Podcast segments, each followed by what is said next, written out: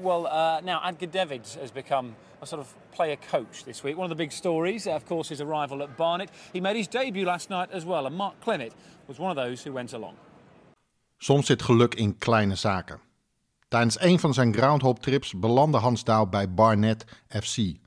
Een kleine club in het noordwesten van Londen. Een club die ik alleen ken omdat Edgar Davids er ooit speler-manager is geweest. Deze podcast gaat niet over Edgar Davids. Deze podcast gaat over een ontmoeting tussen een groundhopper aan de ene kant en aan de andere kant een groundsman. Die al zijn hele leven zo'n beetje op het terrein van Barnet FC woont. Een van de charmes, denk ik, van uh, groundhoppen is het bezoeken van uh, relatief kleinere clubs. En daar zijn over het algemeen de mooiste verhalen over te vertellen. En een van die clubs is Barnet FC.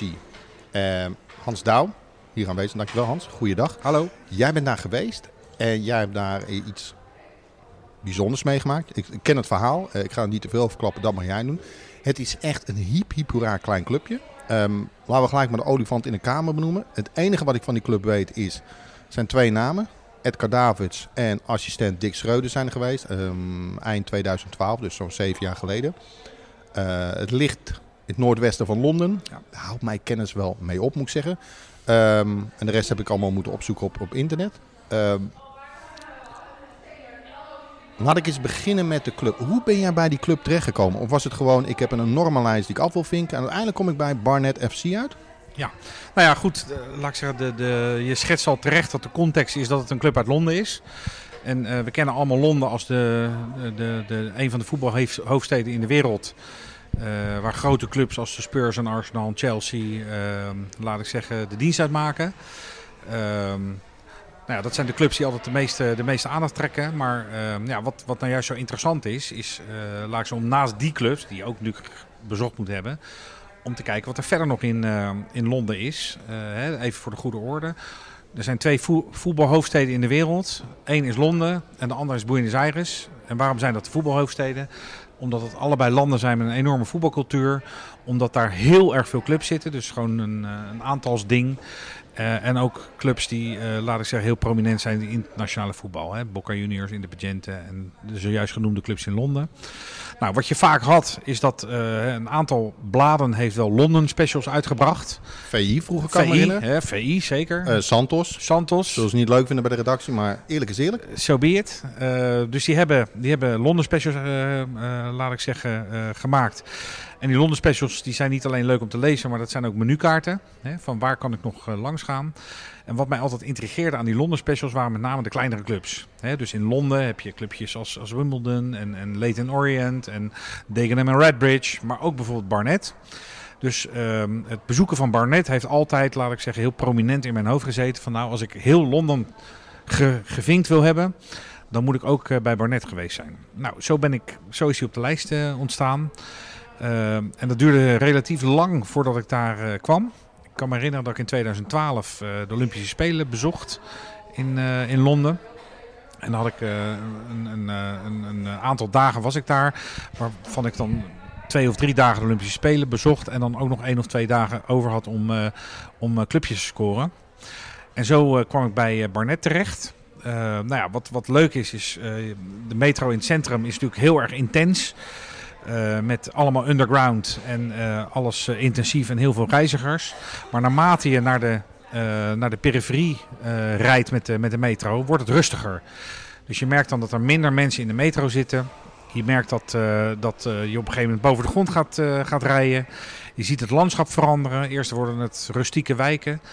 En vervolgens zie je dat, dat je zeker in het noordwesten van Londen, dat je echt in de, ja, eigenlijk een beetje in de, buiten, in de buitenlucht komt met de natuur. Uh, en dat is ook de entourage rondom het stadion van, uh, van Barnet toen. Uh, het Underhill Stadium. Dus het oude stadion nog? Het oude stadion. Dus ja. het, is een, het is een verhaal over het oude stadion. Fijn. Ehm, nou, ik was daar rond kerst. Ehm, dus de, de, de, laat ik zeggen, Londen is dan nou extra sfeervol. Iedereen is een beetje sentimenteel en zo. En ik, ik ging naar de, dus naar, de, naar de buitenkant van Londen. Het werd steeds rustiger in de metro en in de trein. Uh, het landschap veranderde en op een gegeven moment zag ik de floodlights, hè, de, de, in de verte de, de, de lichtmasten van, uh, van het Underhill Stadium. Eh, dus ik, liep, ik wandelde daar naartoe. Het was al, daar al zelfs een beetje heuvelachtig. Dus eigenlijk helemaal niet eh, een stads, uh, stadsuiterlijk. Echt een, een, een, plaatsje helemaal buiten Londen eigenlijk. Edsware, als ik het goed heb. Sorry? Edsware heet ja, precies. Ja. ja, precies. Edsware, ja. En ehm, nou ja, ik kwam daar aan. er was geen wedstrijd. Dus het was een, een bezoeken van een leeg stadion. En gelukkig was er een, een deurtje open. En, uh, Wacht even Hans. Ja. Jij komt bij dat stadion aan. Ja. En je loopt er even omheen. Ja, en, zeker. Uh, je wilt natuurlijk graag naar binnen. Ja. Uh, maar je wil ook even het stadion rustig kunnen bekijken, neem Ja. ik aan. En op een gegeven moment denk je, ik zou eigenlijk wel ergens naar binnen willen. Ja. Want dat wil natuurlijk elke liefhebber. Zeker. Even de sfeer proeven, hoe ziet het eruit van binnen. Hoe werkt dat? Zie je dan gewoon, ben je dan, hey, er staat een deur open? Ja, ik moet heel eerlijk zeggen dat ik een geoefend oog heb inmiddels. dus ik, uh, ik, ik, ik besluip een stadion als een prooi, als een roofdier. Um, en ik heb voor mezelf een aantal regels. Een van die regels is dat ik, uh, uh, dat ik eerst probeer om zonder de hulp van mensen binnen te komen. Want op het moment dat, ehm, dat je mensen erbij gaat betrekken die daar zitten, dan kunnen ze ook nee zeggen. En dat wil ik vermijden. Dus eerst proberen zelf binnen te komen uh, is het beste. Dan kan je er altijd nog uitgesmeten worden, maar dan ben je wel binnen geweest. Dus ik probeer altijd eerst te kijken of er gaten in de, in de, in de defensie zijn. Uh, soms gaat dat uh, goed schiks. En kun je gewoon een deur binnen of, of, of, door een open poort. En soms moet het kwaadschiks. Dat heb ik ook wel meegemaakt. En dat laatste is over een hek klimmen? Dat kan zijn over een hek klimmen of er onderdoor. Of ik heb ja, in, in Hongarije, in het Neepstadion, heb ik wel eens een, een, een deur uit zijn sponning moeten schroeven. omdat ik daar echt geweest moest zijn en er niemand was om me te helpen. Nou, dat, wat moet, moet, zeg ik dan. Hè? Vind ik ook. Mens gotta do wat hij uh, has gotta do. Dus dat... Uh, uh, maar goed, de, de, en lukt dat niet, dan ga je op zoek naar mensen die je door een deur kunnen laten... of die een sleutelbos hebben of whatsoever. Ehm, en lukt dat allemaal niet, ja, dan moet je echt grof geweld... eh, ik, ik, wil niet een ramkraak of zo eh, dan, dan plaatsen, maar dan moet je echt gewoon... eh, ehm, gaan bellen of gaan op een andere manier proberen binnen te komen. Ja, soms lukt dat ook echt niet. Hè? Dus ik bedoel, dat is natuurlijk ook de spanning van het groundhoppen. Dat er altijd gewoon een kans is dat je niet binnenkomt. Hè? Dat maakt ook de euforie als het wel gelukt is groter. Hè? Dat er altijd een faalkans is. Maar goed, in het Underhill Stadium van, van Barnet uh, was dat niet aan de orde. Ik kon ze heel makkelijk binnenlopen. En uh, nou, tot mijn grote plezier was daar één groundsman. Uh, die was daar aanwezig. Een treinknecht, ga door. Ja, was een trein, ja precies, was een, een, een, een treinknecht. En die was, ik was blij dat ik hem zag, hè, want ik, had een, ik was er helemaal in mijn eentje en het was een hele rustige omgeving, dus ik vond het wel leuk om een praatje te maken. Maar ik merkte dat hij het ook erg leuk vond dat er iemand uit Nederland kwam om dat stadion uh, te bezoeken. Hè, dat oude, oude stadion in Noordoost of Noordwest Londen. En het was een, ja, een oudere, 80-jarige man. En uh, begon over de club te praten. En nou, wat hij eerst deed, was dat hij me achter een van de doelen mee de tribune opnam. Hij zegt, ja, waarom, waarom dit stadion bij, bij voetballers berucht is, is omdat er een halve meter hoogteverschil zit tussen het ene doel en het andere doel. Hij zegt dus, het, het ligt op een hill, hè, Underhill Stadium. En er zit gewoon echt een halve meter verschil tussen de ene en de andere kant. Stond nu aan de hoge of aan de lage aan de hoge kant. Oké. Okay. Stond aan de hoge kant. En verdomd, hij had gelijk. Dus ik, ik wist eigenlijk niet wat ik zag. Uh, dus hij zegt, ja, er is echt aantoonbaar dat, dat je de eerste en de tweede helft... dat je heel goed moet opletten bij de tos en zo. Omdat het hoogteverschil is gewoon legendarisch. En iedere tegenstander die, uh, die hier komt, die weet dat. En die houdt daar op de een of andere manier rekening mee. Dus dat vond ik al heel mooi om van te, te horen. Even voor, uh, voor mensen die nooit in het stadion zijn geweest. En de luisteraars van deze podcast behoren waarschijnlijk niet tot die categorie, want die komen vaak in stadions. Maar als je aan de rand van een, het liefst op ooghoogte van een veld staat, en zeker bij de grotere clubs, dan lopen al die velden lopen enorm bol. Dat is om de afwatering goed, goed te realiseren. En dat zie je niet op tv, dat is wel grappig. Als jij uh, in de arena of in uh, Old Trafford of zo uh, naast het veld staat, dan denk je, joh, wat loopt dat veld raar bol. Maar dat is puur vanwege de afwatering. Dat het veld niet, het water niet. niet blijft. ja, dat is, echt, dat is echt, enorm duidelijk is dat. Maar dan moet je wel echt op ooghoogte aan een veld staan, want anders zie je het niet. Maar dit was dus niet eh, over de breedte dat het bol liep, maar dit was echt van, van het ene doel naar het andere doel, dus halve meter. Maar goed, toen op een gegeven moment uh, uh, werd hij emotioneel. Ehm, ehm, toen zei hij van ja, ik zei heel wat is er? Uh, je wordt emotioneel en zo. En toen zei hij van ja, ik, ik, ik ben 80 jaar en ik, ik, ik kom al 75 jaar bij deze club. Dus van de 80 jaar kom ik al 75 jaar bij deze club. En al die tijd heeft, uh, heeft Barnett in dit stadion gezeten. Uh, en een tijdje geleden ben ik mijn vrouw verloren. Dus dat was wel heel erg. maar wat er nu gebeurt is minstens zo erg. Want we moeten het stadion uit. Wat waarschijnlijk zijn tweede thuis was, gok ik. Hij woonde daar. De man woonde daar. Dus die, die was altijd in het stadion hinderlijk onderbroken om even s'avonds te gaan slapen thuis. En, maar voor de rest was hij altijd in het stadion, gewoon zeven dagen in de week. En ik zeg, waarom moeten ze dan het stadion uit? Want als ik het zo zie, is het toch uh, een perfect stadion voor een club als Barnet. Hij zegt, ja, het is echt ongelooflijk obscuur. Hij zegt, uh, de, de, de, de, de club heeft discussie met de gemeente over de Ventweg naast het stadion. Dus we hebben een, niet, niet eens een discussie over het stadion zelf, of over de grasmat, of over het licht, of over de veiligheid. Maar we hebben een discussie over het weggetje naast het stadion. Dat weggetje dat is een privéweggetje.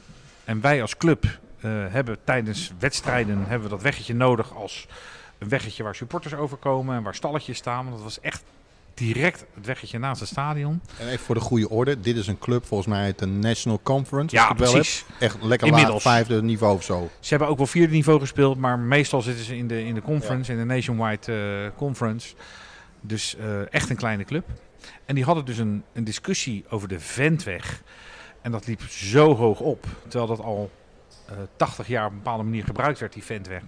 Dat was zo hoog opgelopen dat op een gegeven moment de eigenaren van die club zeiden: Oké, fuck you het moment dat de gemeente zo slecht meewerkt. Want er moest een of andere erfpachtovereenkomst over gesloten worden. En daar kwamen ze niet uit op de een of andere manier. Op het moment dat de club zo, uh, uh, de gemeente zo slecht meewerkt aan, aan dit hele verhaal, dan gaan we gewoon weg. Ja, en die groundsman van, van 80 jaar, die iedere, iedere steen daar uit je hoofd kende. En die, die had gehoopt om dood te gaan in het Underhill Stadium. Die zeiden ja, nou gaan we dus weg. Dus die moest eigenlijk, ja, het klinkt een beetje simpel, verhuizen. Die moest verhuizen. Uh, alleen als jij en ik moeten verhuizen, denk je, goh, we gaan naar een ander huis toe. Ja. Dit is een man wiens leven abrupt tot einde kwam. Tenminste, niet zelfmoord of zo, maar een groot deel, het belangrijkste deel van zijn leven. En maar moest zien of dat op de andere plek opgepakt zou kunnen worden. Ja, nou ja, hij, hij zei letterlijk van het, dit stadion is een deel van mijn lichaam. Dus, oh, ja. dus het, het maakt, het dit stadion is onlosmakelijk verbonden met wie ik ben en, en wat ik doe en, en hoe ik leef. En het feit dat, dat dit stadion dus uh, uh, straks niet meer een onderdeel is van mijn leven. Dat maakt dat ik gewoon een, dat ik, dat ik een stuk dood ga. Hè? Dus zo voelt het ook echt. Uh, en hij zat, hij zat te huilen. Hè? Het, het, was ook een, een, sentimentele tijd rond de kerst. maar hij werd er helemaal emotioneel van. En inderdaad, uh, het, was, het was 2013. Inderdaad, in 2013 is, uh, is uh, om deze reden Barnet verhuisd naar een ander stadion in een iets verder opgelegen dorp. En ze hebben daar een heel onpersoonlijk nieuw 13 in een dozijn stadion gekregen. Heet ook de Hive. De Hive, ja, ja, precies. ja, precies. Wel met staanplaatsen, 1700 ongeveer. Dat dan weer wel ja, dus dat blijft toch... Uh, dat is waarschijnlijk het enige wat er nog positief aan is? Nou ja, goed, dat, dat, dat oude Underhill Stadium, dat had uh, houten tribunes en, uh, oh. en, en een enorme sfeer.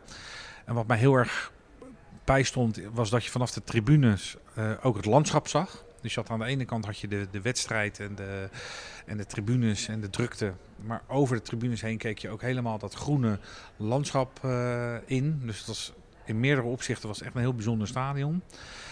Uh, terwijl dat nieuwe stadion, ja, dat was gewoon een blokkendoos. Uh, met weliswaar staanplaatsen, maar qua sfeer niet te vergelijken met het, uh, met het oude stadion. Het oude stadion bestaat overigens nog wel. En dat wordt nu gebruikt als trainingsaccommodatie voor een rugbyclub. Dus nou ja. Het... Vloekende kerk. Ja, het is er nog, dat is fijn. Het is er nog. Dus in die zin kunnen de, de groundhoppers kunnen nog steeds hem afvinken. Hè, als hij het oude stadion van, van Barnet willen, willen scoren. Uh, maar de, de, de, de ziel is eruit. Ja. Hey, ehm, nou, nou heb je zo'n zo'n oud, mooi, typisch Engels stadion eh, bezocht. Waar wij allemaal heel erg blij van worden. Ehm, je ontmoet dan ook nog eens een keer de groundsman. hey, hoe mooi is dat? Klinkt trouwens mooi dan terreinknecht, vind ik. Groundsman. Zeker. Geef wat meer cachet eraan. Ehm, een oudere man. Hoe mooier wil je het cliché nog hebben? Hè? Vol met verhalen. En, en die er zo emotioneel over wordt. Dat moet een hele eh, aparte dag van jou geweest zijn, denk ik. Ja, absoluut. absoluut. Kijk, ehm, wat ik zelf vind is dat de, de, eh, dat lege stadions, dat die eh, veel meer de geschiedenis ademen van een club dan volle stadions. Zie je liever een leeg stadion dan een vol stadion? In, in, in een aantal opzichten wel. Kijk, er gaat natuurlijk niks boven een wedstrijd uh, in een vol stadion, dus dat wil ik ook niet bagatelliseren. Maar als je in een leeg stadion bent, dan krijgt de verbeelding die krijgt meer ruimte. Hè? Dus dan krijg je meer dan, dan, raak je meer in de sfeer van wat er gebeurd is. En zeker als je dan met iemand praat die daarover kan vertellen. Hè, en die over uh, het kampioenschap van 1948 kan vertellen. En over de, de, de, de, de tijd dat, uh, dat er nog leren ballen waren met, met veters erin. En de tijd dat, dat dat het enige, de enige vorm van vermaak was voor mensen in hun leven. Hè. Dus die echt één keer in de twee weken, dat was eigenlijk het enige wat ze hadden in hun leven voetbal was veel uh, belangrijker uh, voor de mensen toen als dat het voor veel mensen nu is. Als iemand daar dan beeldend over kan vertellen en je zit dan in zo'n oud Engels stadion en het is al kersttijd uh, en het is druilerig en het is donker en er zit zo'n oude man, ja dan word je natuurlijk volledig gegrepen en dan gaan je gedachten ook, dan visualiseer je ook die oude wedstrijden die daar waren en waar dan 30.000 man bij, bij waren. Hè? Terwijl, laat ik zeggen nu Barnet uh, hooguit een paar duizend man uh, trekt. Ja, ze kunnen iets meer dan 5000 herbergen. Dus Precies. ja, daar ga je al. Maar toen pakten ze iedereen in dat stadion, in dat oude stadion. En uh, als, het, als het vol was, dan lieten ze nog stiekem de, een paar duizend man erbij. Ehm, en in, in zo'n leeg stadion, dan, dan krijg je echt het gevoel van ja, ik zit hier op een soort plaatsdelict. Zo, zo'n, als je op een plaatsdelict bent, dan, uh, hè, waar iemand vermoord is, noem maar wat, dan is daar op dat moment niks meer te beleven. Maar toch op de een of andere manier is er een soort geest op die plek die maakt dat je dat een bijzondere plek vindt. Ja. Jij bent daar volgens mij geweest voordat het Kadavers daar ja. spelen-manager werd. Klopt. Neem ik aan. Ja. ja. Klopt. Anders was je anders ontvangen, neem ik aan. Hey, ja, 2012 was het. Dus het was in de week van de Olympische Spelen. Dus een half jaartje ervoor, denk ik waarschijnlijk. Ja, oké. Klopt. Als je nu naar Barnet kijkt, hè, een stadion is natuurlijk heel belangrijk bij een club. Hè, ja. Waar we wel zijn, voor, voor groundhoppers. Zou dat nu nog iets zijn waarvan je zegt, nou ja, ik zou het wel willen zien. Maar, of zou het dan meer zijn, joh, ik wil uh, mijn hele lijst afgevinkt hebben. En daar hoort Barnet ja, ook bij. Ja. En verder niks. Nou ja, weet je, um, uh, ergens niet naartoe gaan is nooit een optie. Dus uh, het is altijd interessant om naar een stadion te gaan, zelfs als je al een keer geweest bent. Uh, en tegelijkertijd is in mijn situatie zo dat ik, uh, mijn lijst zo groot is dat ik altijd moet kiezen. En dan zal ik niet snel weer kiezen voor een club waar ik al geweest ben. Ja. Dus in die zin, uh, als ik nu terug naar Londen zou gaan, zou ik er andere dingen doen. Als je nu, um, laten we Barnet even afsluiten. Ja. Dat mooie verhaal van die groundsman. Heb je trouwens, ik kan het nog opzoeken hoor, ik kan het in de introductie zetten. Heb je enig idee wat er met de groundsman is gebeurd? Die nog nee, leeft? Nee, Ik ga eens kijken of ik erachter kan komen. is goed. Ja, En eh, als het lukt, dan hoor je het als eerst. Heb je het al in de introductie gehoord? ja, En dan ga ik alsnog die vraag stellen. Dat komt wat vreemd over, maar ik ben er zelf ook benieuwd naar. ja. Als jij nou voor de gemiddelde groundhop, en we hebben het over Groot-Brittannië. Ja. Maar laat ik even zeggen, eh, daar reken ik Ierland ook gemakshalve mee. Ja. Ehm, en je zou bijvoorbeeld een top 3, dat mag willekeurig, het hoeft niet echt de beste drie te zijn. Maar welke clubs of welke wedstrijden of welke steden zou je dan eigenlijk moeten bezoeken? De stad is misschien iets te veel. Je kunt zeggen Londen, maar dat laat je nog wat Ja. ruim. Nou, ik, eh, dat is, dat is eh, Edwin, de vraag die je me nu stelt is van, hou je meer van je zoon of van je dochter? Ja, ik snap het. Nou, dus dat, is een, dat zal ik je niet snel vergeven, dat is een moeilijke vraag. Ma- mag, ik, mag ik er eentje noemen dan? Uiteraard. Oké, ehm, en dan mag jij de twee invullen. Ik zou zeggen hearts, hips. Maar dat zeg ik ook Ja. vanuit persoonlijke Ja, voorkeur. ja. Eh, en dat zeg ik omdat ehm, ik redelijk vergroeid ben met, met die club. Ja. Omdat ik er wat mensen ken die bij die club werken. Ehm, omdat ik er vaak ben geweest. In het verleden, is al een tijdje geleden. Toen ze nog die oude tribune hadden. En ik altijd gewend ben dat je als supporter een half uur voor aanvang of eerder al klaar zit. Ehm, sterker nog, een half uur voor aanvang zaten er misschien 2000 mensen in het, eh, in het, eh, in het stadion. Er kunnen er 20.000 in. En 10 minuten voor aanvang was er nog niks veranderd. En pas letterlijk in de laatste vijf minuten, als een soort mieren, stroomde het helemaal vol. 90 minuten lang je moeder uitschelden en van alles. En 90 minuten lang, geen seconde stil. En na afloop klapt iedereen. En je loopt naar buiten. Het is ook een soort friendly derby, is het. Eh, het is in Edinburgh, in dezelfde stad. Weinig politie. Eh, er is wel wat politie, weinig politie. Eh, een reclamebordje, dat scheidt je van de tribune en het veld, letterlijk. Maar waar het is om het veld op te komen. Eh, je wordt volgens mij voor heel lang eh, geschorst. Eh, en daarna ga je naar de pub en dan kom je als hard supporter ongetwijfeld een hip supporter tegen en vice versa. Ja. En zeker rond kerst in Edinburgh. Neem je vrouw meegeven, je creditcard, kan jij lekker naar het voetbal gaan. Ja, ja, ja, ja, eigenlijk fantastisch. wel. Ja, fantastisch. Dat, dat, zou, dat zou in ieder geval eentje Ja. van mij zijn. Ja, maar dat is een perfecte, jij? perfecte tip. Ehm, ja, wat ik, waar ik zelf heel erg door gegrepen ben, is door de, door de bizarre ligging van de twee stadions in Dundee. Dat is iets wat, ehm, eh, wat, wat ik bijna niet kan uitleggen hoe dat voelt. Mensen die, die de luchtfoto zien en die die stadions bij elkaar zien liggen, die denken al van joh, dit is gefotoshopt. Ehm, en tot het moment dat je echt in die straat staat en voelt hoe dicht die twee stadions bij elkaar liggen, eh, denk je van joh, dit, dit is een grap. Eh, maar het is echt zo. Het is echt, het is echt hemelsbreed, maar, maar 150 meter tussen de ene hoek en de andere hoek van het stadion. En wat grappig is, dat ondanks dat die clubs zo dicht bij, tegen elkaar liggen, dat, ehm, eh, dat ze bevriend zijn. Dus ze hebben eens een keer eh, een paar jaar geleden samen een FA Cup final in, op Hampden Park in, in Glasgow moeten spelen. En toen zijn ze gewoon met, met 150 bussen zijn ze door elkaar heen zijn ze daar naartoe gereden om die, eh, om die cup final te spelen. En kan het komen omdat in die stad natuurlijk hele families eh, eh, aan de ene kant deels voor Dundee FC zijn en de andere voor United? Nou ja, goed, dat, dat zou kunnen. Eh, ik weet niet precies eh, hoe, wat het verschil tussen die clubs is, eerlijk gezegd. Ehm, of er iets, iets etnisch of iets vanuit twee bedrijven, of nou, weet ik veel, dat weet ik allemaal niet. Ehm, maar ik weet wel dat als je in die straat staat, want het is ook maar een heel klein straatje eigenlijk. Ja. Dat je, als je in die straat staat, dat het echt, eh, eh, ja, gewoon dat je denkt, wat, wat, wat is hier gebeurd? Wow, hè, er zijn wel meer stadions in de wereld die, hè, Nottingham Forest sprak ik over, maar er ligt dan een rivier tussen. Eh, Rode Ster en Partizan, dat ligt dicht bij elkaar. In, in Buenos Aires heb je Independiente en Racing die een soort van naast elkaar liggen. Eh, maar dan krijg je niet, niet de klap die je in Dundee krijgt. Dus dat, dat zou voor mij een, eh, een tip zijn. Oké, dan hebben we twee derbies. En twee derbies. En Dundee. Ja, waar ik gek op ben als, als, als, eh, als eh, lower league groundhopper, dat zijn de kleine stadions in Wales. Dus ik ben in Wales ben ik bijna in alle stadions geweest. En dan heb je hele kleine clubjes zoals Bangor City en Barrytown en, en Prestatine en nou, dat soort clubs. Ehm, Ja. ja, Wales is ook lekker vrolijk hè, in die tijd van het jaar. Lekker donker. nou, en, dat eh, is echt verschrikkelijk. Dus eh, als je een beetje aanleg hebt om depressief te worden, blijf daar weg.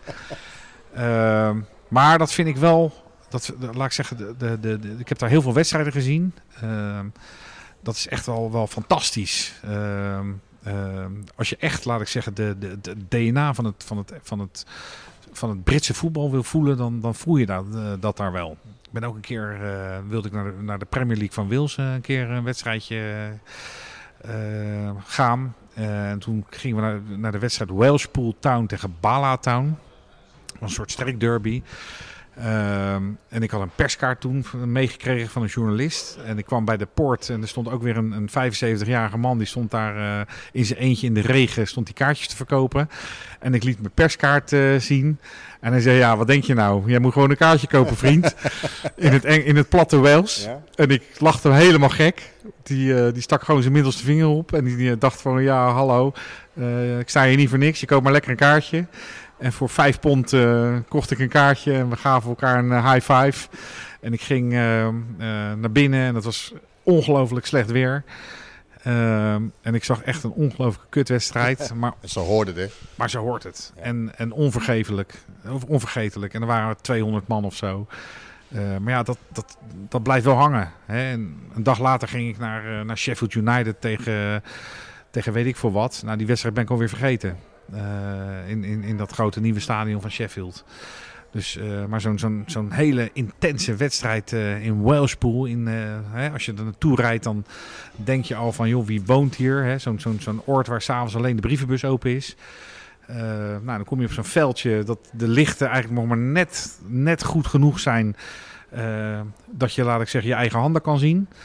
Eh, nou, dan komen daar gasten die, eh, die, die, die komen het veld oplopen dat je denkt van zijn dit rugbiers of zijn het voetballers. Nou, dan krijg je het meest afschuwelijke voetbal op een veld wat in Nederland al lang afgekeurd zou worden. Ja, en als groundhopper voel je je dan de gelukkigste man van de wereld. Dat je denkt van joh, waar heb ik het aan verdiend dat ik hier in deze, in deze wildernis mag staan. Heerlijk, Ja. dank Ja. je. Ja, graag gedaan. Dank voor het luisteren naar deze podcast. Als je meer van dit soort verhalen wilt horen, abonneer je dan op onze podcast.